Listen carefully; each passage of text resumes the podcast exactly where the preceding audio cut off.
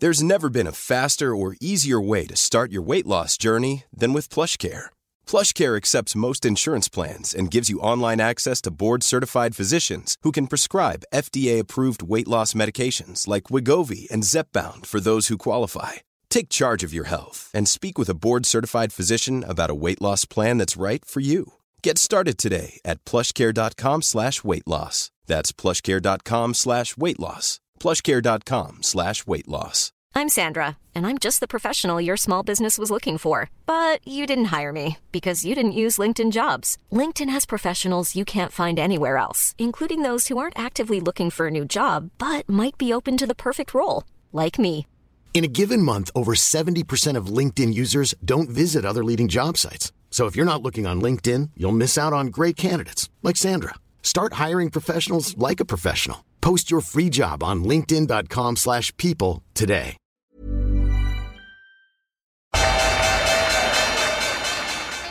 They mistook leverage for genius. Leverage for genius. I would recommend Japan. The governments don't rule the world. Goldman Sachs rules the world. Velkommen til uh, podkasten 'Tid er penger', en podkast med Peter Warren. Jeg heter Sverre, er produsent, og i dag er vi kommet til episode 222. Dagens tema er vinnere og tapere i sommer. Kursstigninga i olje, Japan og YCC, og volatilitet på billigsalg. Da går vi i gang. Så skal vi snakke litt om markedet. Nå er det jo um, en graf som Eller en, en uh, et makroøkonomisk indikator, eller hva du skal kalle det, som plutselig folk snakker om av en eller annen grunn. Og jeg vet ikke hvorfor det er så viktig, men det er antall vinnerdager, altså oppdager på Dow Jones på rad. Og det er nå i nærheten av det høyeste noensinne. Jeg vet ikke om det bikka ned Den, ennå. den, den, er, den er, rekka er jo brutt nå, fordi den, den falt jo på torsdag.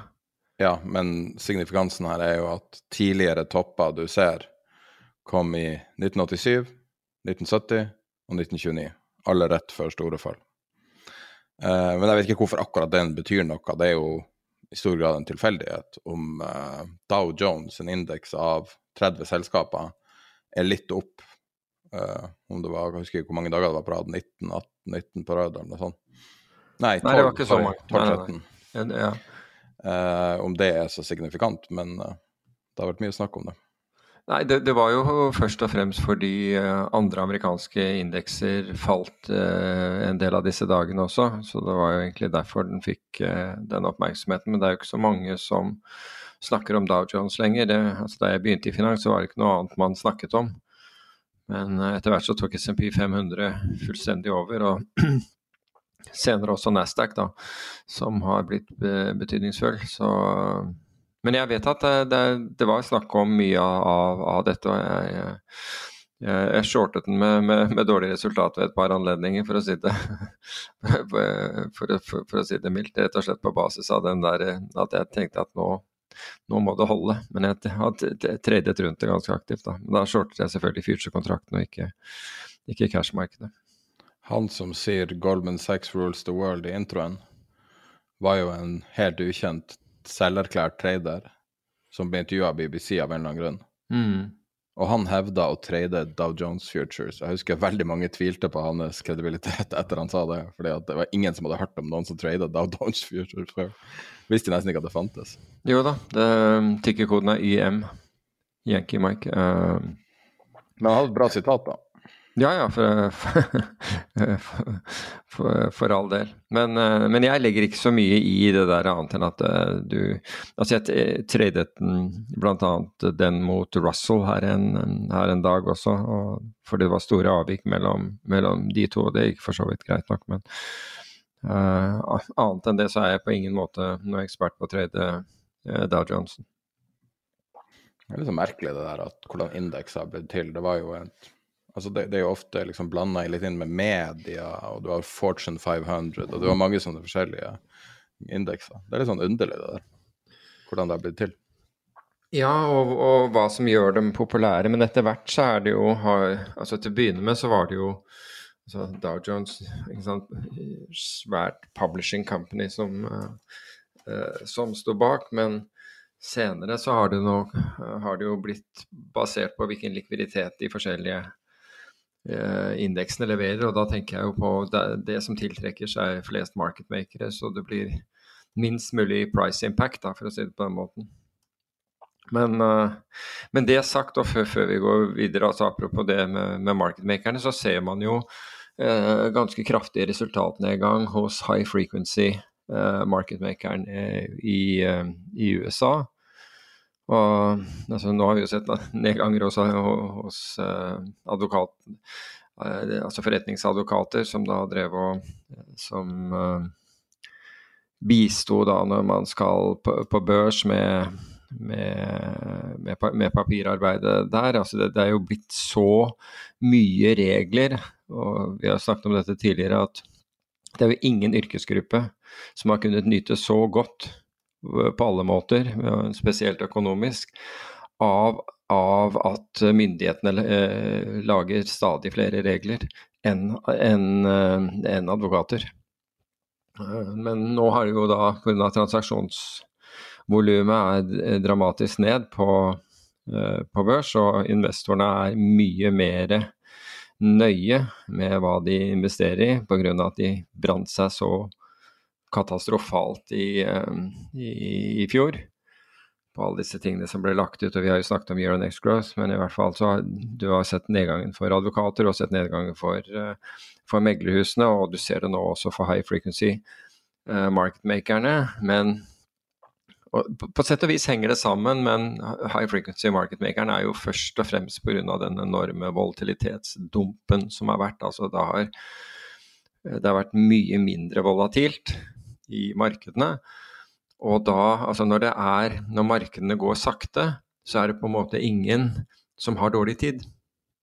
Og når jeg sier ingen, så er det f.eks. store pensjonskasser, hva som helst som skal da kjøpe og, og, selge aksjer i forhold til eh, sine porteføljer og forhold til eh, tegninger og innløsninger og osv. I et raskt marked så har de en mye, en mye, større tendens bare til å godta pris og få det gjort. Mens når markedet beveger seg så sakte som det har gjort nå, så står man på sidelinjen og tenker ok, hvis jeg misser, jeg gidder ikke å by opp. Jeg, jeg, blir liggende på kurs 23, bare for å ta et tall rett ut av hodet. Blir heller liggende der. Uh, jeg gidder ikke å jage dette markedet oppover. Så markedet, markedets anatomi blir veldig forskjellig.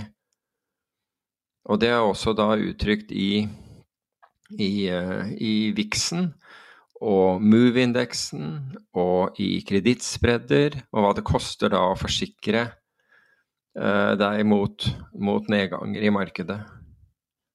Og det, det, det, interessante egentlig nå, og det har jo vært på basis av at det var jo da, da kursene var lave, og nå snakker jeg om de internasjonale kursene, altså i, frem til oktober i, da, i fjor, så var det ingen som altså Da kastet folk seg ut av, av aksjer. Det brukte lang, lang tid på å gjøre det, men da kastet man seg ut, slik at man var under eksponert, som det heter. Altså man har, for, man har lite aksjer i porteføljen.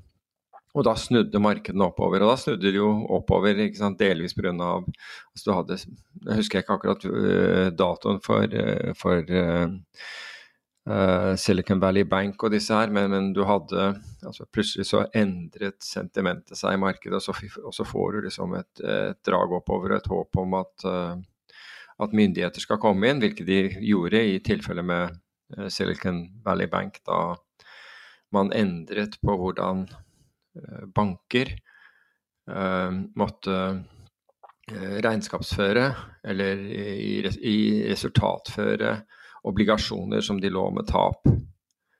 Så Federal Reserve tok over på en måte den, den, den risikoen. Så man, man, tåler jo nesten ingenting i dag, det, det skal jo sies. Markedet tålte jo ikke mer enn mer enn eh, en, en, relativt moderat nedgang i forhold til den oppgangen som har vært. Eh, og da iblandet da en bank som hadde eh, investert uklokt, for å, si, for å, si, det på den måten, nemlig at de, de forsøkte å låne billig og plassere, eh, plassere lenger ut på, på rentekurven, altså f.eks. i tiårspenger. Um, og så steg da det korte rentemarkedet, som gjorde at alle transaksjonene deres ble negative de fikk mye lavere rente på det de hadde kjøpt, enn, de måtte, eh, enn den innlånsrenten. Så plutselig så får du liksom myndighetene på, på gang, og så, så, får vi den der rallyen som gjør at det var en sånn unloved rally, hvor folk satt på sidelinjen, satt på sidelinjen helt inntil nylig. Og da, etter en over 20% oppgang, da ser vi plutselig nå at nå kommer man inn igjen og, og kjøper. Og det skjedde samtidig med Du fikk short-in-dekking. Men du ser at det, det, ble rotert ut av folk som da hadde, hadde fått med seg denne oppgangen. De, de, benyttet den, de, benyttet det til å selge. Men noen aktører har da ikke mave til å altså, Eller risikotoleranse til å, til å kjøpe disse nivåene. Og, er, og, nå snakker jeg om det amerikanske markedet, og det er rett og slett fordi det er jo ikke generelt sett inntjeninger som har steget som kan forklare oppgangen i aksjekurser.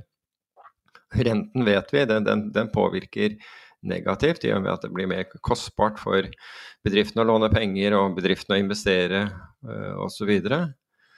Uh, men det har vært en multiple ekspansjon, og multiple ekspansjon er rett og slett det er at du er villig til å gi stadig mer for akkurat den samme inntjeningen. Så det, altså du kan si at håpfaktoren, fordi du håper jo at den at inntjeningen skal, skal, øke og forsvare det du gir. Håpfaktoren. Det har blitt mer håp i markedet. Og dette har gitt seg utslag bl.a. ved at vi har sett ganske massiv kjøping av kjøpsopsjoner, altså call-opsjoner, uh, i, i, markedet. Rett og slett fordi man vil, jeg, vil beskytte seg mot, å, mot, mot uh, FOMO, altså fair of missing out. Og dette har gitt ganske interessante muligheter, syns jeg, da, i, i opsjonsmarkedet uh, i, i, øyeblikket. Nemlig at du kan forsikre deg veldig billig. Fordi det vi har sett tidligere, er at investorer kjøper beskyttelse til nedsiden. De kjøper f.eks. Uh, opsjoner som gjør at du kan ikke tape, tape mer enn 5 eller 10% av, uh, på, på, aksjeporteføljen din før du har et gulv, da, som, som salgsopsjoner har gjort. Men isteden, nå er, man, er, det, er, det, FOMO som gjelder, så det har vært lite kjøping av beskyttelse. Til tross for at kursene har steget kraftig, til tross for at multiplene har økt. Så ser du at man kjøper kjøpsopsjoner fremfor salgsopsjoner. Og det, etter min oppfatning, det gir noen interessante, interessante muligheter. Skal vi si noe helt praktisk da om det? Eh, kostnaden på å kjøpe en 95% ettårsputt på SMP 500-indeksen er det laveste, på det laveste nivået noensinne. Det er ikke VIX-indeksen, men altså, det her er en, pra en praktisk trade. Ja, men bare, altså en 95% som du sier, det, det, vil si at du er beskyttet for et tap på mer enn 5% Altså 5% ned fra dagens nivå, så trer denne beskyttelsen inn. Det er, det er en såkalt out of the money-opsjon, eh, som gjør da at du, kan, at du, ikke vil tape. Altså hvis du sitter med en indeksnær portefølje, ikke vil tape mer enn det. Og det er som du sier, og det er helt riktig, det, det du sier, det har ikke vært billigere. I akkurat når covid traff så det, kosta det samme, produktet Hvis man regne, Hva blir det? Fem ganger mer? Ja, det, det tror jeg så gjerne. Tre Jeg skulle selvfølgelig gjort det på forhånd. Fem ganger mer, ja. Akkurat fem ganger mer. Akkurat. Så eh, det kan man kalle forsikring på billigsalg. Under finanskrisa samme prisen. Rett før dyrere enn nå. Så mm. rekordbillig. Og, og, og, dette liksom står sånn i, i, grov kontrast til altså, ta f.eks. private equity. Altså I Norge så ser private equity ut til å klare å få inn penger uansett. Er, eh, men i USA så er, eh, så er eh, tegningene der ned 30 Det er dramatisk fall. Um, fra, fra, fra, fra 2022. Vi hadde jo det i et av nyhetsbrevene som gikk ut for et par uker siden, om at PE virker ikke å fungere lenger. Og det var en link til Financial Times-artikkel som viser at uh, de låner penger for å betale ut, hvis jeg husker riktig. For å betale ut til investorene. Wow. Det høres ikke særlig bærekraftig ut. Ja, nei, det, de gjør jo ikke det. Så, Nesten bokstavelig talt 'robbing Peter to pay Paul'. Ja. Så, men, men, her gjør jo her gjør jo investoren dette med, med, åpne øyne. Men igjen så er det jo det der at investorer liker å bevege seg i flokk. Det føles tryggere å være i flokk. Og hvis flokken løper utfor stupet, så er, så, ha, så, man, så er, man, i godt selskap, for å si det på den måten. Du er livredd fra, for å gå glipp av en oppgang. Mye mer redd for å gå glipp av en oppgang enn en nedgang. Fordi eh, enn en, en at eh, at, at, at, du taper penger. fordi du ser jo da at ja, da kan du si at ja, men det og det fondet gjorde akkurat det samme som oss. ikke sant, altså Dette var veldig vanskelig. Så, og det går rett og slett tilbake eh, går tilbake på at markedet altså drives først og fremst av psykologi. Altså Du har de underliggende tallene, men det, det er ingen som egentlig klarer å analysere seg frem til eller man klarer eh, Man kan eh, analysere seg frem til en teoretisk riktig pris på basis av inntjeningsforventninger, renter osv. Eh, det er mulig, mulig, å gjøre, men markedsprisen varierer ofte voldsomt fra den. Og det går tilbake til da at det er faktisk viktigere å forstå markedspsykologien enn å forstå økonomien, rett og slett. Så Altså, du, apropos, du, du, nevnte dette med, med, med eh, SMP, uh, opsjoner på SMP. Altså, hvis du ser på VIX-indeksen, så endte den, hadde den i, i forrige uke den laveste, laveste closen siden januar 2020.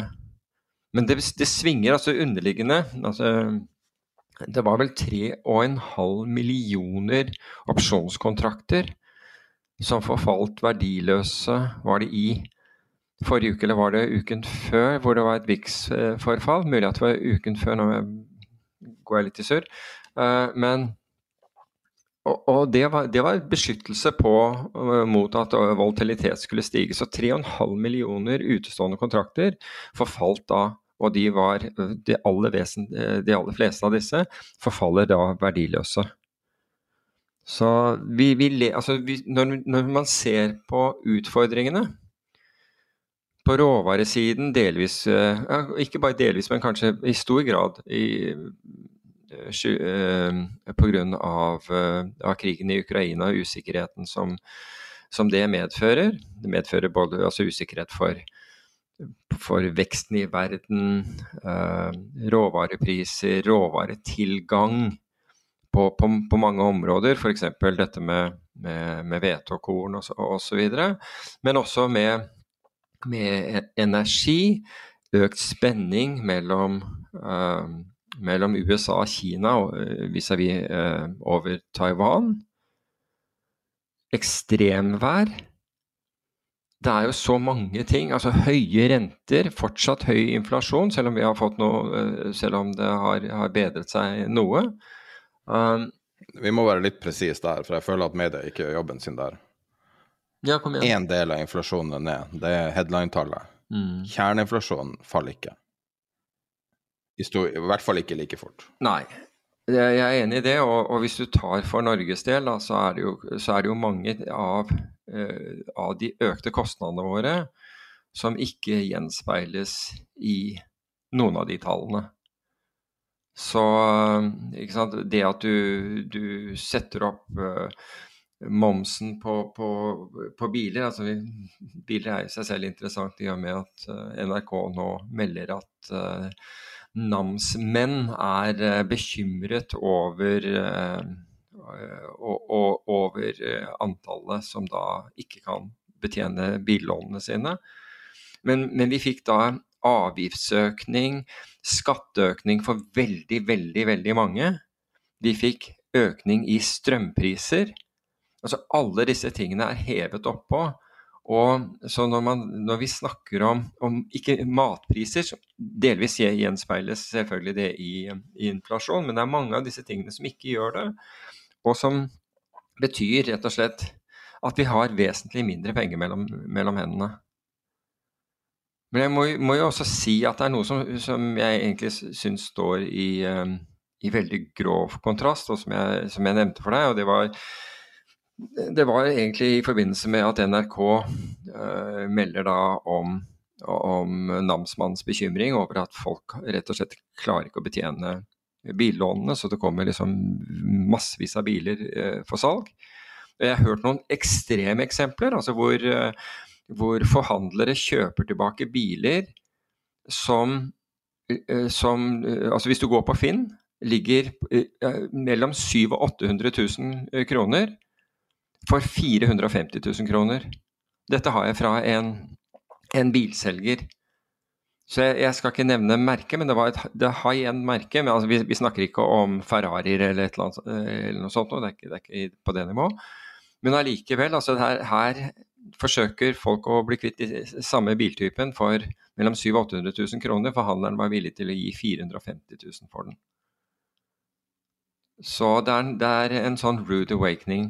Men jeg må jo også samtidig si at når, når man hadde dette, dette, slagordet at nå er det andre folks tur, så må jeg si det der at Og dette er jo selvopplevd. Hvis det er det politiske slagordet du mener, så er det vel noe av det vanlige folks tur? Unnskyld, vanlige folks tur. Jeg, det er andre gang, eller i hvert fall andre gang jeg, jeg, jeg sier feil. Det er vanlige folks tur. Uh, det er at jeg har aldri sett så mange båter over 60 fot i, i norske havner som denne sommeren her. Og, og nå snakker jeg om norske båter, altså eid av nordmenn, ikke utlendinger.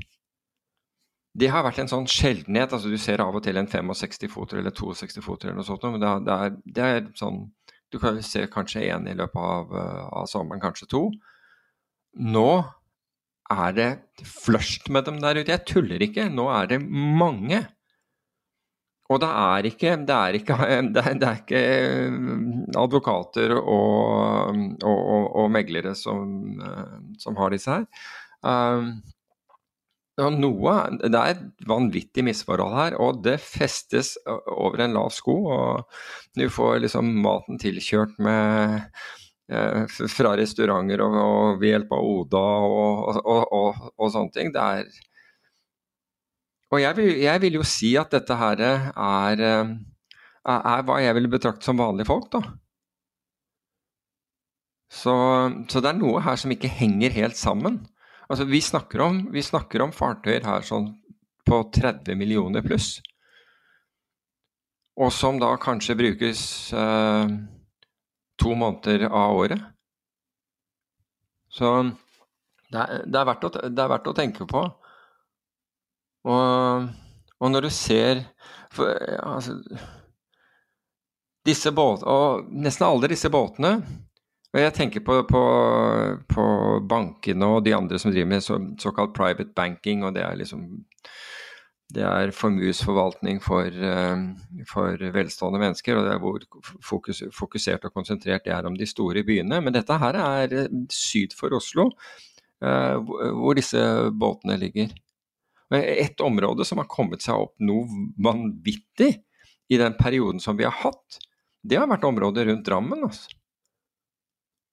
Så, og der, folk, der, der, der, jobber folk skikkelig, og, og, har klart å tjene enorme penger. Så hvis skulle starte Du hele tiden sier når Goldman Sachs uh, Det ville være et positivt tegn dersom Goldman Sachs endelig uh, etablerte seg i, i Norge. Men eh, jeg må, må, må, jo si at hvis noen skulle etablere et eller annet i, i Norge, i hvert fall på private banking-siden, så burde de, så, så burde de sannsynligvis uh, gjøre det i Drammen. Ikke det at jeg ikke tror at disse er betjent, det er de sikkert. Men, men der har det i hvert fall vært en stor velstandsoppbygging. Tidligere så så du liksom de store båtene, det var jo eid av altså lystfartøyer var jo eid av, av fiskebåtredere og sånt på, på vestlandskysten. Der var det utrolig mye flotte båter. Men nå ser det ut som det, det, det rett og slett har flyttet seg. Så det, det er bare en observasjon, da. Det er ikke noe annet. Men uh, jeg står allikevel i, i ganske grov kontrast til hva man opplever i Det er ikke bare bruktbilmarkedet, men også nybilmarkedet, hvor aktiviteten har liksom ground to a halt men, men tydeligvis ikke innenfor uh, virkelig store lystbåter. Mens uh, prisen på Rolex-klokka falt fra et indeksnivå på nesten 40-38 til under 28. Wow. wow. Og det er veldig mange vanlige folk som har eid dem også, utrolig nok. Ja, men, men er, det man, er det noe man finansierer, tenker jeg? Eller man kan kanskje gjøre det også, for guds skyld, hvis man drar liksom kortet Ja, apropos det samme. Kredittkortgjelda i USA er på ca. 1000 milliarder dollar ja. akkumulert, og um, rentene over 20 med rente på kredittkort, altså Jeg hørte det var Jeg var på radioen, altså Norsk Radio var annonse for en av bankenes eh, kredittkort som gikk mot forbrukslån. Og det var, det var, et eller annet sted rundt 18% tror jeg. Så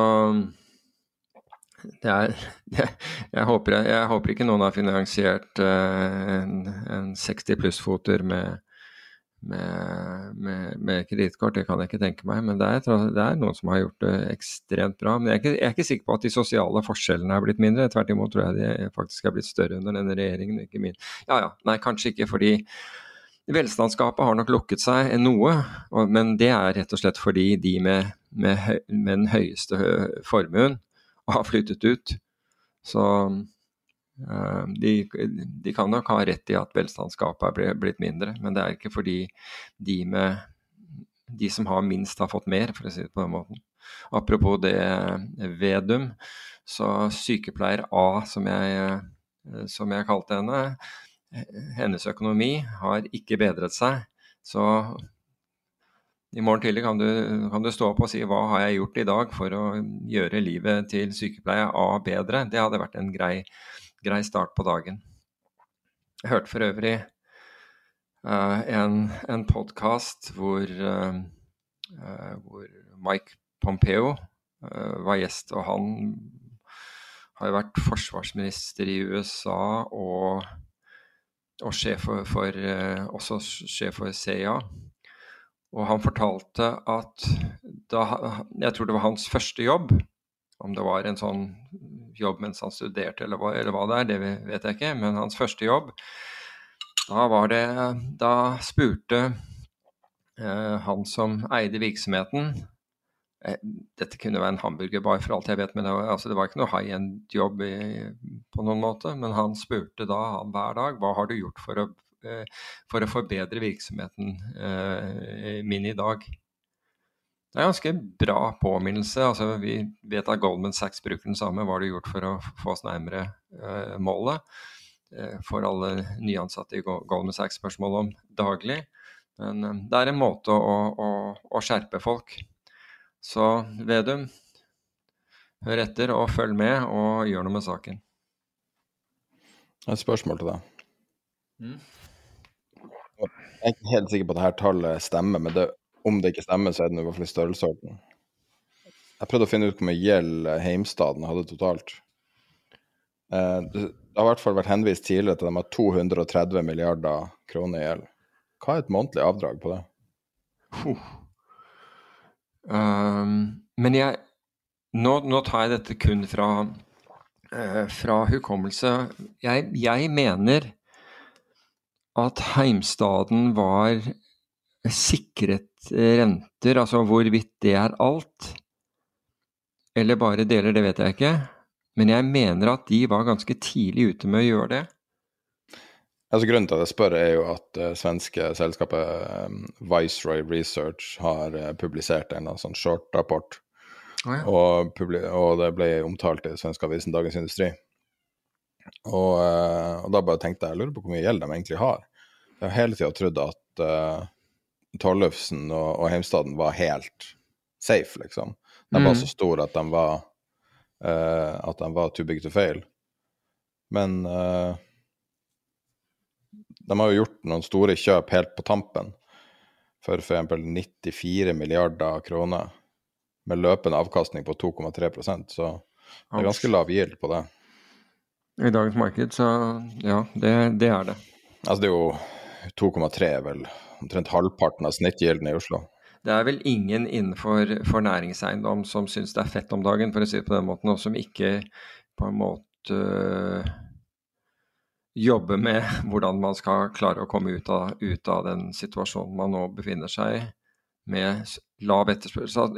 Altså Fordelen heimstaden kan ha, det, det, ene det vil jo være at man har sikret store deler av dette med eh, altså renten eh, for en periode, og da, og da, vil det jo hele tiden være snakk om at har de sikret den langt nok?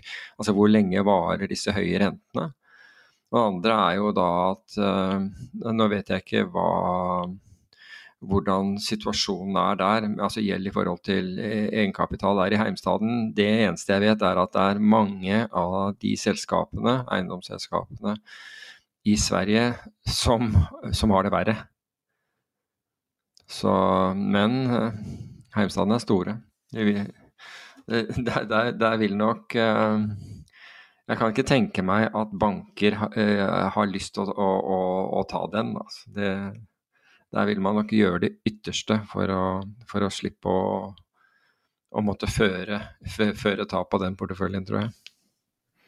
Men det er virkelig eh, Altså, man sier jo at eiendom er verdens viktigste marked, men uh, næringseiendom er ikke langt bak der, altså.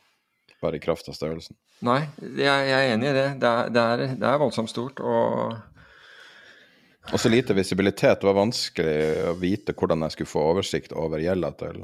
Fordi at de er gjerne strukturert på kompliserte måter, og det vil være en omfattende jobb.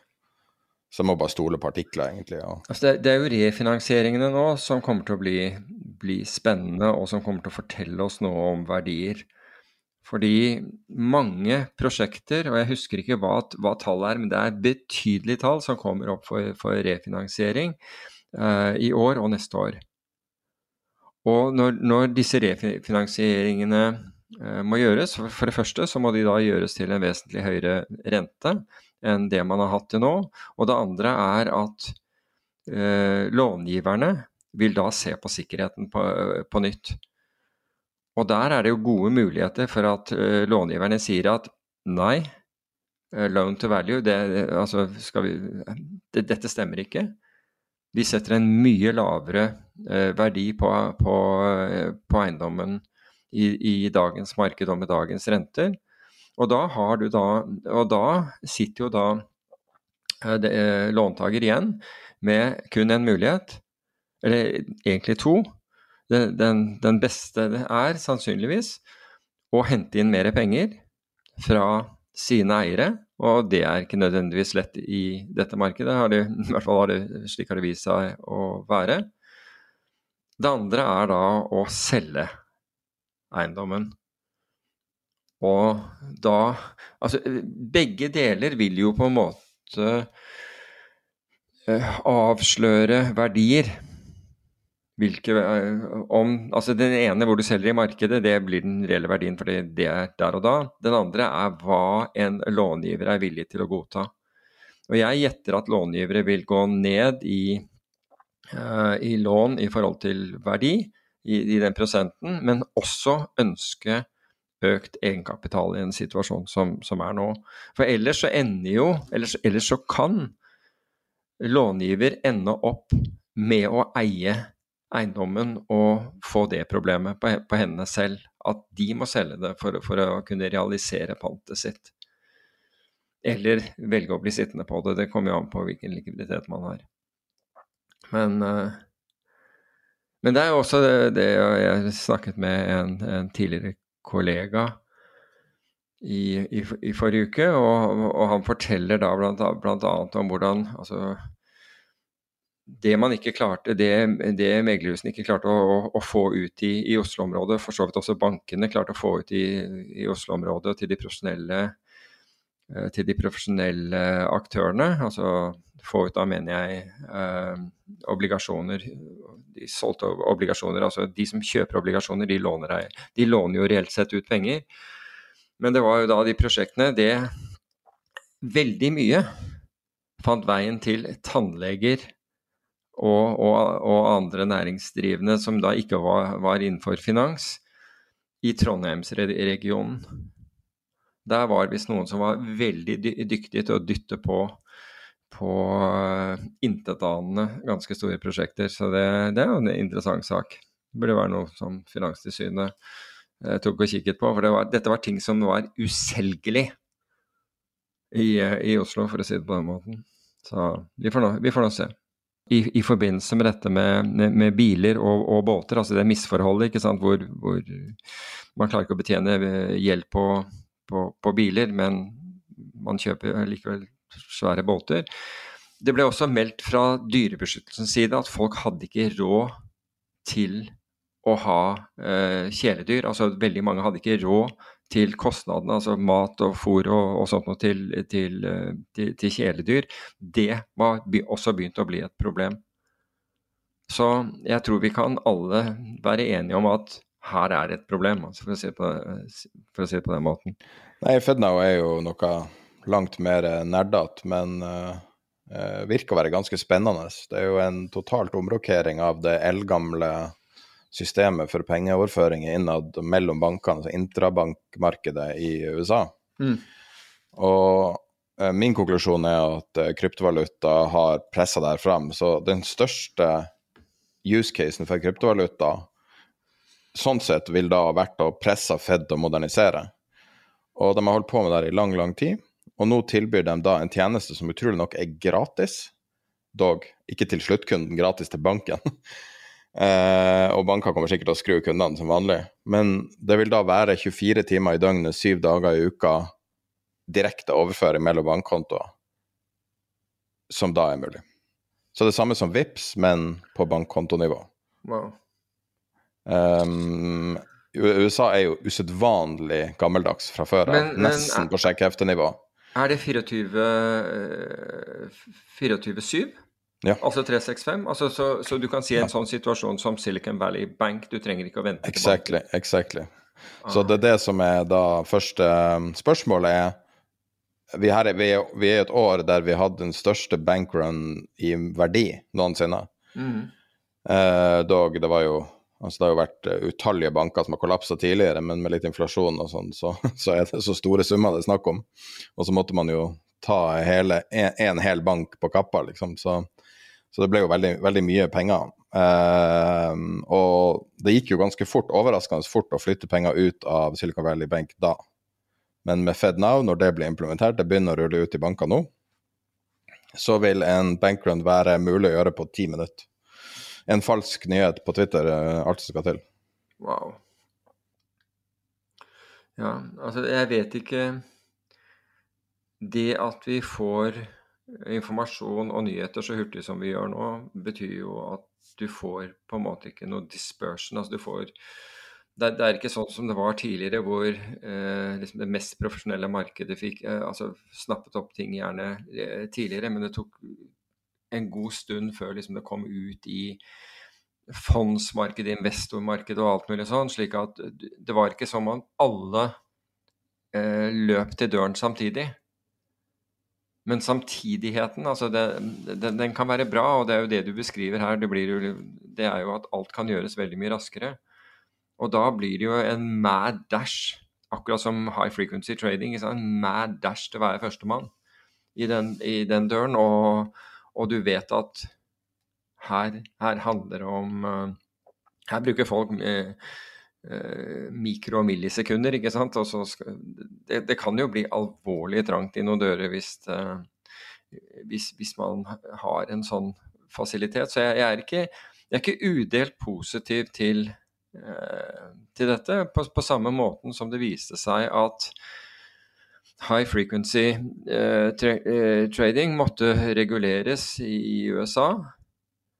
Eller det er blitt regulert over hele verden, egentlig. Men, eh, og du har da Altså etter, eh, etter 2010, eh, altså det flash crash, så satte man inn circuit breakers og den type ting. Så rett og slett for å prøve å roe ting ned eh, lite grann. Jeg er ikke overbevist at dette altså med, med mindre det fins eh, regler eh, rundt, rundt, bruken, ikke er, er et damoklessverd, altså, rett og slett. Men uh, vi får se første gang, eh, første gang det, det, benyttes, for, for, det vil komme en første gang. Ingen tvil om det, men uh, jeg vet ikke når. Men det effektiviserer jo bankvesenet noe veldig, da? Det kan det. Det kan absolutt gjøre, det. Og, så effektivisering, ja. Men så kan det være at, det er, at kostnaden er en voldsom volatilitet. Da. Men nå har vi jo liksom Det er jo akkurat det. Nå har vi jo blitt vant til uh, at det er veldig lav volatilitet. Altså Vi snakker om da viksen på var, Jeg tror den stengte i overkant av 13 på, i, på, på, på fredag. og mens det, mens det, underliggende markedet beveger seg altså Vixen er jo, da, er jo da på en måte litt forventninger og hva man skal ha for å, for å forsikre seg mot, mot uh, en oppgang i volatiliteten. Mens det reelle markedet, altså de, historiske, altså hvis du ser på hvor mye det faktisk har svingt den senere tiden, så er jo det langt under. Det er jo godt under 10 uh, eh, årlig uh, standardavvik. Annualisert standardavvik. Så, så alt er, er liksom sånn Det er altfor rolig der ute. Det er, det er um... Du mener 40 dager med over 43 grader i Phoenix, Arizona, ikke et problem? Jeg mener ikke det. Jeg mener ikke det, tvert imot. Jeg, jeg vil bare skvise inn den effekten. Ja, ja, ja, Folk får, får brannskader av å sitte på bakken. Ja, akkurat. Jo, men altså, vi har såpass mange Altså, det, det, utvikler seg jo hele tiden. Og du nevnte jo i, i går, sendte meg at uh, uh, Hvem var det igjen, da? Det var tidligere russiske statsministeren, var det ikke det? Ja, nummer to i Russland, Medvedev. Ja. Nåværende nummer to. ja, som, uh, som mener at man burde jo tenke på å bruke kjernefysiske våpen i, i Ukraina. Det er jo ja. Altså, jeg det er, det er, helt merkelig. Det er mulig at vi kommer til Tenk deg det. Den, den, kommentaren der ble ikke til en fullverdig artikkel på NRK. Ja, Det er helt det var merkelig. kun en notis. Kan du tenke deg? Ja. Russiske NK, en tidligere statsminister, truer med å bruke atomvåpen, og det blir ikke en full artikkel. Mm. Altså, jeg, jeg, tror jo at den, den, beste måten å tenke på dette her for, for en investor, det er at forsikring er rasende billig. Eh, akkurat som du, du, er vant til liksom, Husforsikringen din kommer opp til, til, til fornyelse. Eh, hva heter det, boligforsikringen eller ja, ja, boligforsikringen din. Og så oppdager du at, er, at, det er en tilbyder der som, som, som, tilbyr dette veldig veldig mye billigere. Du får den halvparten av prisen eller god del under av det du har gjort før. Ville du da, altså hvis det var tilfellet, ville du da sagt nei, nå har den falt så mye at jeg, den skal jeg ikke ha?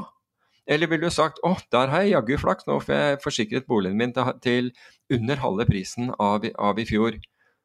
Jeg tror at de aller fleste ville hatt den ryggmargsrefleksen og sagt å, takk og lov, det er blitt billigere. I finans så gjør man det motsatte. Der eh, ser man at dette er blitt billigere og sier ja, da skal jeg ikke ha det. Og når da viksen passerer 40 eller 50, og, da, da, skal du plutselig ha det. Da, og det, dette har jeg opplevd tidligere, bl.a. av, eh, av eh, fondsforvaltere som de ringer når den er skyhøy, og lurer på hva de kan, hva, hva, hva de kan gjøre med det. Så, så saken er altså om du forsikrer deg eller ikke, det er helt opp til deg. Altså, det gjelder jo boligforsikringen også, men ikke bilforsikringen. Den, den må du ha. Men uh, Det er helt opp til, opp til, deg, men den er, den er det billigste vi har sett på, på, på, veldig lenge. Og hvis du løfter hodet og ser litt på hva som foregår i verden, så henger ikke de to tingene helt sammen, etter min oppfatning. Um, apropos, altså det å henge av ting som ikke henger sammen. Vi nevnte jo før, før sommerferien startet, da var vi jo inne på dette her at det var et misforhold mellom olje spesielt, altså utviklingen i oljemarkedet spesielt, altså oljeprisen, og aksjekurser. Men også at det var olje spesielt og råvarer generelt. Og da snakket vi bl.a. om kobber og en, en, del av disse andre eh, råvarene. Og hvorfor var det et misforhold? Jo, fordi aksjekursene eh, reflekterer på en måte at verdensøkonomien går så det griner. Og hvis verdensøkonomien går så det griner, så trenger man både energi og man trenger materialer til, til, til, til bygging og, og, Eller konstruksjon, heter det vel, er vel fellesbetegnelsen. Og at disse tingene var så rimelige, det, det hang ikke sammen. En av dem måtte, uh, måtte være, være, feil. Og det vi har sett da over sommeren, er nettopp at oljeprisen har da kommet seg, uh, kommet seg, uh, kommet seg voldsomt. Og den har, den har da steget 14% mens, mens, mens aksjer, altså verdensindeksen for aksjer, har riktignok vært opp 4 og Oslo Børs 2% men der ser du at dette misforholdet nå er blitt tatt, tatt, igjen. Det kunne jo være at aksjer skulle ned, altså at oljeprisen sto stille og aksjer skulle, skulle ned også, eller, men i hvert fall forholdet mellom disse to er kommet betydelig inn. Så kan man si hva, hva nå? Altså, nå har du fått oljeprisen ganske mye opp, altså den har passert 80, 80 dollar fatet. og og nå ser jeg at folk, nå kommer folk på banen og sier at nå skal det til 100 og osv jeg, jeg, vet ikke, men jeg blir alltid skeptisk når, eh, når folk kommer inn ja, Vi vet jo ikke om det er sent, sent i en, en oppgang. Er, så jeg vet jo ikke det på basis av, av, tightnessen i markedet. Altså Det skal veldig lite til for at det ikke, ikke er nok olje. Nå, nå, kan du si at Saudi ved å, ved å ha kuttet sin, uh, sin, produksjon, kan jo øke den produksjonen igjen og, og, få det ut i markedet. Men, men det er ganske det er, det er ganske tight oljemarked, egentlig. Og altså Russland har jo under, under denne tiden har jo, har jo, solgt olje så det, det holder. De bare, altså de, det, er ikke, det, er jo ikke, sanksjonene som ja, Det kan man diskutere. Men det er jo ikke at folk har vært illojale i forhold til sanksjonene, men Russland har jo da solgt til land som ikke er enig i de sanksjonene. Og det kan være land i Midtøsten, det, det er land i, og, i, videre i Østen. Kina har kjøpt mye, Israel, eh, ikke Israel for all del. Uh, India har kjøpt mye. Uh, mange, disse, mange, land har, har, har, benyttet anledningen til å kjøpe olje fra Russland på, på, rabatt. Og Det betyr da at det er ikke store oljereserver som har bygget seg opp i Russland. Altså Ikke det, ikke det at jeg tror at de ville ha, ha tilført disse til, til Vesten uansett, men det er en sånn tightness i, i det markedet. Men hvis jeg skulle påpekt noe nå Altså hva nå? Ok, nå har, nå har oljeprisen liksom Kall det, kall det eh, normalisert seg på en måte i forhold, til, uh, i, i forhold til aksjer. Jeg er ikke sikker på om det har Altså noen normalisering har vi hatt, men det kan godt hende at uh, vi, vi, vil få mer av det. Men hvis du ser hvor vi er nå, så vil jeg si at misforholdet ligger nå mellom aksjer og, obligasjoner. I hvert fall for USAs del av det amerikanske aksjemarkedet og amerikanske statsobligasjoner. Der ligger et misforhold, fordi det er blitt ekstremt altså Hvis du tar earnings yield i forhold til hva du får på, for obligasjoner, så blir du ikke betalt, etter min oppfatning, overhodet. Den er skrumpet inn til noe sånt som rett over 1% altså for, øh, forskjellen. Og da blir du ikke betalt for aksjerisiko. Så du kan, du kan, si at hvis ting går verre nå La oss si, la oss si at um, vi snakket jo om at, multi, at, det var multiplene som hadde ført aksjekursen oppover, og ikke den reelle underliggende økonomien verken i, i selskapene eller for så vidt i, i verdens, uh, verdensøkonomien. Så la oss, la oss, si at aksjemarkedet Altså se, se på de forskjellige scenarioene. Aksjemarkedet gir seg, altså sier at ok, nei, er, dette er for høyt. La oss, la oss, bare ta det som en mulighet. Aksjemarkedet er for, høy, for høyt, det begynner å komme ned. Da, da er det fordi veksten eh, Altså da er veksten lavere i økonomien, og, og da må du ta det inn over deg. Og da er det store muligheter for Inflasjon har vi allerede snakket om som, som har piket i aller eh, fleste steder. Så da vil det, da vil det antageligvis lønne seg, helt opplagt. La oss, la oss si at du har 3% inflasjon, og du får 4 på, tiåringen. det er ganske greit å eie amerikanske tiåringer her, ville vil jeg sagt. Og 20-åringer, og, og 30-åringer for, for, den saks skyld. Så jeg syns at statsobligasjoner er det underpriced asset i, i, øyeblikket i forhold til aksjer, som er en overpriced asset, men vi vet ikke hva som, hva som vil skje i, i, i, fremtiden. Men det vi vet, er at vi kan gjøre opsjonsposisjoner på begge deler, fordi, fordi eh, premiene er veldig lave. Så det er gode muligheter å kunne tjene på det. Altså Med andre ord, hvis eh, ting skulle begynne å, å, å forverre seg, ting bikker utfor, eier du da eh, så, så kunne du forvente deg at, at renten vil gå lavere pga. lavere takt i, i, økonomien.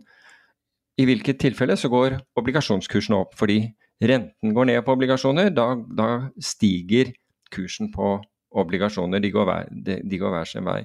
Så jeg ville jo sagt at liksom, muligheten nå ligger i, et, i, i, det misforholdet der, mens vi hadde muligheten for en måned siden lå, i, lå mellom mellom aksjer og, og, og, råvarer. Så får vi se hva vi, hva vi får ut av det. Vi, vi, burde kanskje, altså, Er dette et riktig tidspunkt å bare kikke til Japan? Absolutt. Hvor uh, sentralbanken da overrasket uh, markedet i, i, forrige uke, eller var det uken før nå? Jeg går surr. Fredag.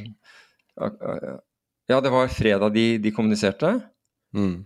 Ok, beklager. Uh, sånn er det å ha, ha vært på sjøen. Da, da, da, det er bevegelse i båten hele tiden, og det gjør tydeligvis noe med hjernen. Men i hvert fall, de, eh, Japan har praktisert noe som vi kaller yield-kurvekontroll. Med andre ord, de har sagt hvor, eh, hvor renten på tiåringen skulle ligge. Og den har ligget i, frem til da til fredag mellom en kvart prosent og en halv prosent årlig avkastning. Og der har sentralbanken da holdt den. Og det, det har liksom vært, vært, et poeng. Og så, sier, og, og så har du da i mellomtiden, fordi japanerne klarte jo ikke på flere tiår å få i gang inflasjonen sin overhodet. Derfor har de negative renter, og de har fortsatt negative korte renter. Men inflasjonen der er, nå nord av 3 Den er 3,3 eller noe sånt nå du har 3,3% rente, og, unnskyld, inflasjon, og så har du en tiårs statsobligasjon som, som, da de holdt på en rente som lå under en halv prosent. Det de gjorde på fredag, var å flytte dette båndet. Så nå er båndet flyttet opp til mellom en halv og 1% og umiddelbart så det, Dette fikk en Altså, bare japanerne er så konservative at når de gjør noe, så får det en umiddelbar effekt i markedet. Sånn total panikk akkurat da det skjedde. Og dollar igjen beveget seg da ned 2% og opp 2% igjen. Og det er store bevegelser i valuta, bare så, så, så det er sagt. Mens yielden da gikk over en halv prosent, og, men gikk ikke noe voldsomt. Den, for alt jeg vet så kan det være at de intervenerte for å, for å holde litt uh, igjen på det. Jeg tror den gikk til 0,56 eller noe sånt, og så var den 0,60 på morgenen uh, i dag. Men det, det, høres liksom ut som Altså se for øvrig Uh, Nikki er vel et av de aller beste aksjemarkedene i, i verden i år. Det er opp 27 har, har ikke rørt seg noe særlig på basis av Eller gikk vel 1 til i dag, men, men, ikke noe sånn dramatikk uh, på, på, basis av denne, denne nyheten. Og, men det var veldig mye skrik og bråk når det gjaldt dette. Jeg syns foreløpig at det, det, er overdrevet, fordi vi vet, vi vet egentlig ikke Altså, betyr det så vanvittig mye? Um, Dollaren har vel steget over 8% mot, mot yen hittil i år. Har ikke gjort noe særlig etter altså Det hadde veldig svingningene da, eh, da dette ble annonsert. Jeg Foreløpig så, så, ser ikke jeg at dette endrer altfor mye, annet enn da at det, er, at det er gunstigere for japanere å putte pengene sine i i disse statsobligasjonene. For i ti års statsobligasjoner da, har da en avkastning, og nå kommer folk til å lure, himle med øya og lure på hvorfor noen gidder å plassere pengene sine til 0,6% i året. Og da kan jeg svare med det er fordi du samtidig kan låne penger til minus 0,1% Så en japaner kan få 0,7 ved å, låne inn, ved, å, ved å låne kort og plassere pengene i japanske statsobligasjoner. Så fru Watanabe driver med arbitrasje nå? Ja. Det, det tror fru Watanabe, som du kaller henne, har drevet, med, har, har drevet med det før også, men da har fått mindre betalt. Men, men nå, får hun, nå, får hun, ganske bra betalt. altså I, i motsetning til USA, da, hvor du må låne til way over 5% og plassere til 4% altså du får negativ 1 fordi du har en invertert GIL-kurve der, hvor uh, lange renter er uh, lavere enn korte renter. I Japan har du da den vanlige positive GIL-kurven, hvor korte renter er lave og lange renter er, er, høye. Og kan da utnytte det. Så du, kan si at en japansk uh, et, et, japansk pensjonsfond eller noe sånt har, har ganske bra akkurat i øyeblikket. Fordi de, de, de, skal holde renten lav, altså den korte renten lav, og så lar de da tiåringen begynne å bevege seg. Er det ikke litt grann sånn uh, 'cutting off your nose to spite your face'-taktikk? Ja, ja. Jeg er enig i det. Men japanerne altså det, det, har jo vært en sånn widowmaker å gå mot Bank of Japan. Altså jeg, jeg, har handlet Til tider har jeg handlet mye JGBs, altså amerikanske, nei, unnskyld, japanske tiåringen. Jeg har ikke gjort det på, på, mange år nå, og egentlig glad for det. Men, men jeg har aldri liksom fått noe Den virkelig sånn makrosynet som jeg har hatt og ment at dette har vært feilpriset. Jeg har aldri fått den utbetaling, fordi sentralbankene har bare vært for sterke og bare holdt det der. Og jeg har trodd at de ville gi seg. Nå må de gi seg. Og veldig mange oppfattet at det som skjedde på fredag, da var nettopp at nå ga de seg. Men, men det, det, var ikke noe sånn à la sveitsiske sentralbanken i 2015, ikke sant? Da, da de tok vekk peggen. Det, altså, det er ikke i nærheten av, av, av, noe sånt. Så jeg tror at de som jeg vet Veldig mange kom på, og jeg fikk massevis av spørsmål. Jeg tenkte det er mye bedre å ta det i, i, i podkasten enn, enn, å bli sittende en hel dag og, og, og svare på alle mulige sånne kommunikasjonsapper og, og, på mail. Jeg tror at dette at Eh, jeg, jeg, tror faktisk at her skal vi vente og se. Bare sette oss tilbake og vente, vente og se. Det er ikke så dramatisk som, som uh, alle skulle ha det til uh, rett etter, etter, at det hadde skjedd. E, etter min, my humble opinion, så får vi se. Jeg, kan jo ta helt feil, men det er sånn jeg ser på det i hvert fall. Så det er egentlig det jeg har å si om det der. Ja. Da har vi exhausta de fire temaene vi har. Ja. ja. Det Gikk litt fortere enn vanlig. Ja, Vi gjorde det. Det er én ting som vi har, vi har, hatt på agendaen, for vi, vi, snakket så vidt om det. Vi snakket om AI i, i, i forbindelse med politiarbeid. Um, og, og, dette var altså bruken av AI har vært har, har lenge Altså nå har det nådd noen helt andre nivåer, for nå ser jeg at bl.a. israelerne har brukt AI i, i tiår eller noe sånt i forbindelse med denne her eh, Jeg husker ikke hva den Dome heter, altså den der eh, Iron Dome. Iron Dome, ja. Helt riktig. Det forsvarsverket, altså det, det ballistiske forsvarsverket, eller de har mot ballistiske eh, og andre missiler. Um, men de har, de har, de, angivelig har de nå autonome uh, Eh, våpen, men som de foreløpig har folk som, uh, som uh, må må, må, godkjenne bruken av. Men det var ikke det altså det, det, er litt hvor, hvor, dette har gått. Men jeg husker jeg, jeg leste en, en bok om, om, predictive policing. Og dette var fra Storbritannia, hvor man, hvor man begynte å se på, uh, på dette og, og, og, rett og slett anvende ressursene riktig. Og, og hvor, man på, hvor, man rett og slett så på kløstring av forbrytelser. Og sa at ok, nå begynner det å dra seg til i et visst område, og da, eh, da flytter vi eh, mer enheter i det området. Altså da, da øker vi eh, hva heter det, politiets tilstedeværelse i det området. Eh, for å forhindre eh, for å forhindre videre forbrytelser. Og det nyttet, men problemet er jo at det som skjer da, er at ja, du, du, du, tar ut noen det de kaller bad actors of the game, som da blir, blir, blir satt inn, men, men, det gjør også at de andre blir smartere, og de flytter seg da til, til nye områder. Og så må, det, så må, man analysere det også og finne ut hvor, hvor eh, det går. eller hvor det kan være. Og, og, der har man da brukt AI og ML og den type, type ting, og, og, har angivelig klart å gjøre dette med, med, med en grad av suksess. Og det, det, det sparte uh, etatene for betydelige uh, midler ved at de kunne fokusere. altså De, de kunne rett og slett ha, ha færre, uh, færre betjenter, men på, på, de, på, de, på de riktige plassene. Så, men så har man, eh, i forbindelse med at vi snakket eh, om dette, så, begynte jeg å se litt mer på utviklingen som har gått videre. Og da, da dukket det opp en, eh, en, artikkel hvor matematikere ble oppfordret til å ikke bidra til at Eh, til, eh, til, til, at politiet skulle få, få bygget opp denne, denne kompetansen og AI osv. Men det gikk egentlig ikke. Altså Til å begynne med så så det ut som det, de mente at politiet ikke skulle ha adgang til disse den type ressurser i det hele tatt. Og det kan jo for så vidt hende, men det er en indirekte følge av, de, av politivold.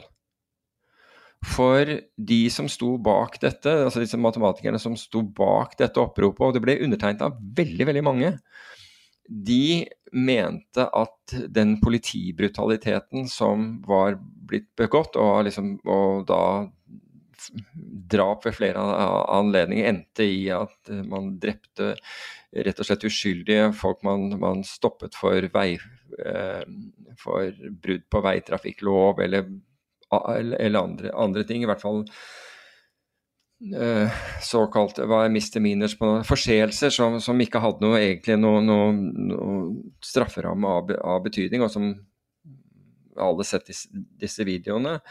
Og det, så det var en protest mot dette, at man ville ikke gi politiet rett og slett bedre verktøy, fordi politiet klarte ikke å police themselves, altså holde holde eh, seg selv i sjakk.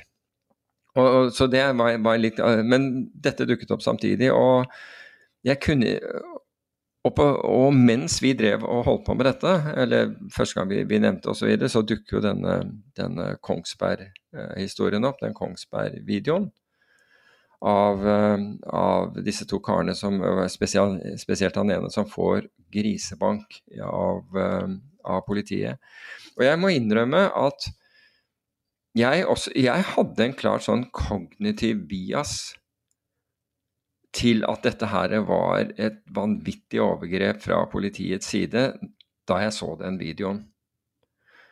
Og det vi ikke, det vi ikke få med oss på denne videoen, og da, da, jeg, da jeg, hørte dommen, så, så virket jo den til de grader urettferdig. Men det er inntil du setter ting i noe mer kontekst og hører hva som skjedde i forkant av dette. Det er så lett, altså, det er jo så lett å begå den kognitive feilen ved at du ser noe og får en emo emosjonell reaksjon på basis av det, og dermed bestemmer deg fra hva som er rett og riktig der, uten at du på en måte har kontekst. Og altså, Jeg tror jo at det er nyttig, fordi det er, det er, mange der ute, vet jeg, som fortsatt syns at han burde bli dømt og hele, hele, hele greia. Jeg, jeg, tror at det kan være nyttig at den går til lagmannsretten uh, for, for, vurdering. Men altså, når, du, når du fikk dette i en kontekst, så, så ble jo den saken helt annerledes. Altså Hvis du vet at du har med folk som, som, som, eh, som det finnes en historikk med osv., pluss det som akkurat hadde skjedd den, eh, den, kvelden, så forandrer jo det helt, eh, helt, helt bildet av, av, hva som skjer. Så Jeg sier ikke at alt der er, er riktig eller galt der, men, men sett i kontekst så må jeg jo si at min reaksjon vil jeg jo helt opplagt si var Min første reaksjon var opplagt Føler jeg var opplagt feil. Og det er fordi du ikke ser det heller. Du får en eh, emosjonell eh, reaksjon. Så data vil, vil, vil, hjelpe, altså ren dataanalyse hjelper jo bl.a. Uh, mot emosjonelle reaksjoner. At det er faktisk at det er faktaopplysninger som ligger der, og ikke rene emosjonelle uh, opplysninger. Så skal jeg la den der saken uh, være, og så får den heller eventuelt altså Enten så blir den rettskraftig, den dommen, eller så eller så går den til uh, uh, videre i, i, rettssystemet. Så, så, i begge deler er for så vidt uh, interessante. For øvrig så var jeg ute og løp med hunden i, i går morges, og så kom jeg til en parkeringsplass hvor jeg hadde bilen lenger her ute, og så laster hunden på. Idet jeg kjører ut, så kommer operativ eller innsatsleder for, for politiet kjørende, og så ser jeg stirrer veldig. og så kort, eh, bare noen sekunder senere så hører jeg politihelikopteret eh, komme. Kjører jeg hjem og, og parkerer, og da, da, har helikopteret forflyttet seg. Da står, det, da står det over her. Og tenkte jeg, hva nå? Hva, er det som har skjedd nå? Altså, sånn. Og så var det helt på kvelden i går, og da hvor eh, jeg tror VG hadde noe om det, og det var noen som hadde forsøkt å stjele eh, noe dyr kunst eh, helt syd på, på halvøya her. Og, det, det, var jo akkurat i det området hvor jeg var. Så jeg, jeg tenker at vi, jeg var den eneste bilen som, som da kjørte, kjørte, fra omtrent det, det, området. Så det var ikke så rart at det helikopteret fulgte og sikkert leste av skiltet og sånn og fant ut at, at det sto på, på, på adressen hvor, eh, hvor, hvor, bilen tilhører. Da. Så da var det jo på en måte, måte greit. Men jeg lurte hva er det som skjer her, liksom. Men uh, det, var, det, var, tydeligvis uh, ressurser nok for når uh, helikopteret kommer fra blir sendt fra Sigurd og over hit. Men det var, det var sikkert en stille dag ellers. Eller skal vi ta og runde av på noe litt mer optimisme? Jeg syns det er veldig mye muligheter for teknologioptimisme i det siste. Året her har jo vært tjåkfull av store potensielle teknologiske gjennombrudd. Bortsett fra hvis du jobber i bransjen, for 220 000 har fått sparken i, innenfor teknologi, så jeg leste? Ja, kanskje. Men jeg bare sier det, det har eh, vært et kanskje gjennombrudd, kanskje svindel, kanskje ikke bra teknologi. Det venter å se. Mm. Men det er da noen uh, forskere som hevder de har skapt de første romtemperatursuperlederne. Superlederne. Et materiale de kaller LK99. Uh, I praksis så vil den framtida vi så i uh, filmer som Tilbake til fremtiden 2, vil være mulig. Hva vil det si? Det betyr at for eksempel I USA så har du så mye varmetap i kablene som går rundt, for det er så mye motstand i kobberet. Kobber er en leder, vann er en leder, ikke sant. Saltvann er en bedre leder, osv. Uh, men det er jo masse motstand, det skaper varme osv. Mm. Uh, mens du har en superleder da, som frem til nå har eksklusivt vært kjølt ned med type sånn ned, Kjølt ned til nesten absolutte nullpunkter. Og da får den en spesiell egenskap, og det er ingen motstand i det. Og siden det er ingen motstand i det, så vil det ikke generere varme. Så hvis du kun bytter ut alle strømkablene i USA fra kobber til det her teoretiske materialet som er høyst tvilsomt er ekte, men som hevder å være ekte, da, så vil um, det uh, Den uh, effektiviseringa vil tilsvare ca. to atomkraftverk i strøm. Bare med å bytte kablene. Oh, wow. Uh, men det vil påvirke alt, så det er veldig vanskelig å si. Det vil liksom påvirke absolutt alt som går på strøm. Du vil ta bort varmeproblemet, og da vil veldig mange ting plutselig bli mulig som ikke var mulig.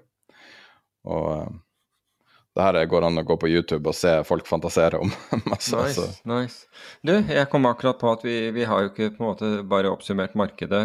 Vi kan egentlig oppsummere markedet for august, selv om august Nei, unnskyld, for, for, juli, selv om juli egentlig er ferdig i dag, men i hvert fall frem til, til og med fredag. da, fordi det var litt interessant å se hva som hadde beveget seg mest i, i, i uh, juli. Og det var da Eh, blockchain-aksjer. Altså ikke, ikke, kryptoaksjer for så vidt, men blockchain-aksjer. Altså opp 14% den måneden. Det var oljeprisen også, som vi nevnte i sted, brent. ARK, altså dette teknologifondet til Cathy Wood, som har hatt ganske kraftige eh, innløsninger i år. Eh, var opp 13% Commodities generelt, altså ETF-en for commodities, opp 8% AI-ETF-en, som vi følger, opp 6% Det var bedre enn Nasdaq, som var opp 5 MSCI World var opp 4% i, i juli, til og med, altså til og med hva blir det da, 29. Og Oslo Børs var opp 2% på på, det, på den negative siden så var det jo de tingene som du gjerne vil at skal, eh, skal uh, gå ned. Altså, det var, ja, det vil si hvis du ikke er oljeselskap eller gasselskap, så var det britisk naturgass ned 27% Strømprisen for levering i, uh, i fjerde kvartal i, her i Norden ned 21 Uh, tysk, unnskyld, hollandsk gass, det vi kaller TTF, var da ned 19% og dollar norske hadde falt 5% i, eh, i, i, forrige måned. Og så husker du at eh, forrige mandag så påpekte jeg det der merkelige ved at gasspriser og dette, dette var ned, men disse karbon, eh, karbonkontraktene, altså hva heter det, karbonsertifikatene, de gikk den andre veien. altså som, som ikke det, det, det hang ikke sammen. De i forrige uke og nå snakker jeg om forrige uke, de falt 4% Så det, det, var en, eh, det var bare en delayed reaksjon, tydeligvis.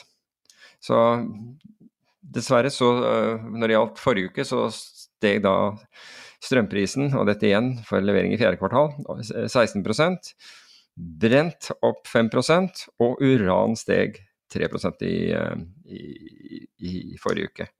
Naturgass i Storbritannia og i Europa var ned mellom 8 og 10% og, ja, det, og MSCI World var vel opp 4,2% mens Oslo Børs var opp 0,3 det var, eh, det var en kjapp gjennomgang av det, det, det som har skjedd i, i, juli og det som var i forrige uke.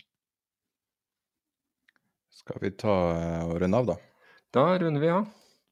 Håper folk eh, noen i hvert fall fortsatt klarer å, å, nyte ferien.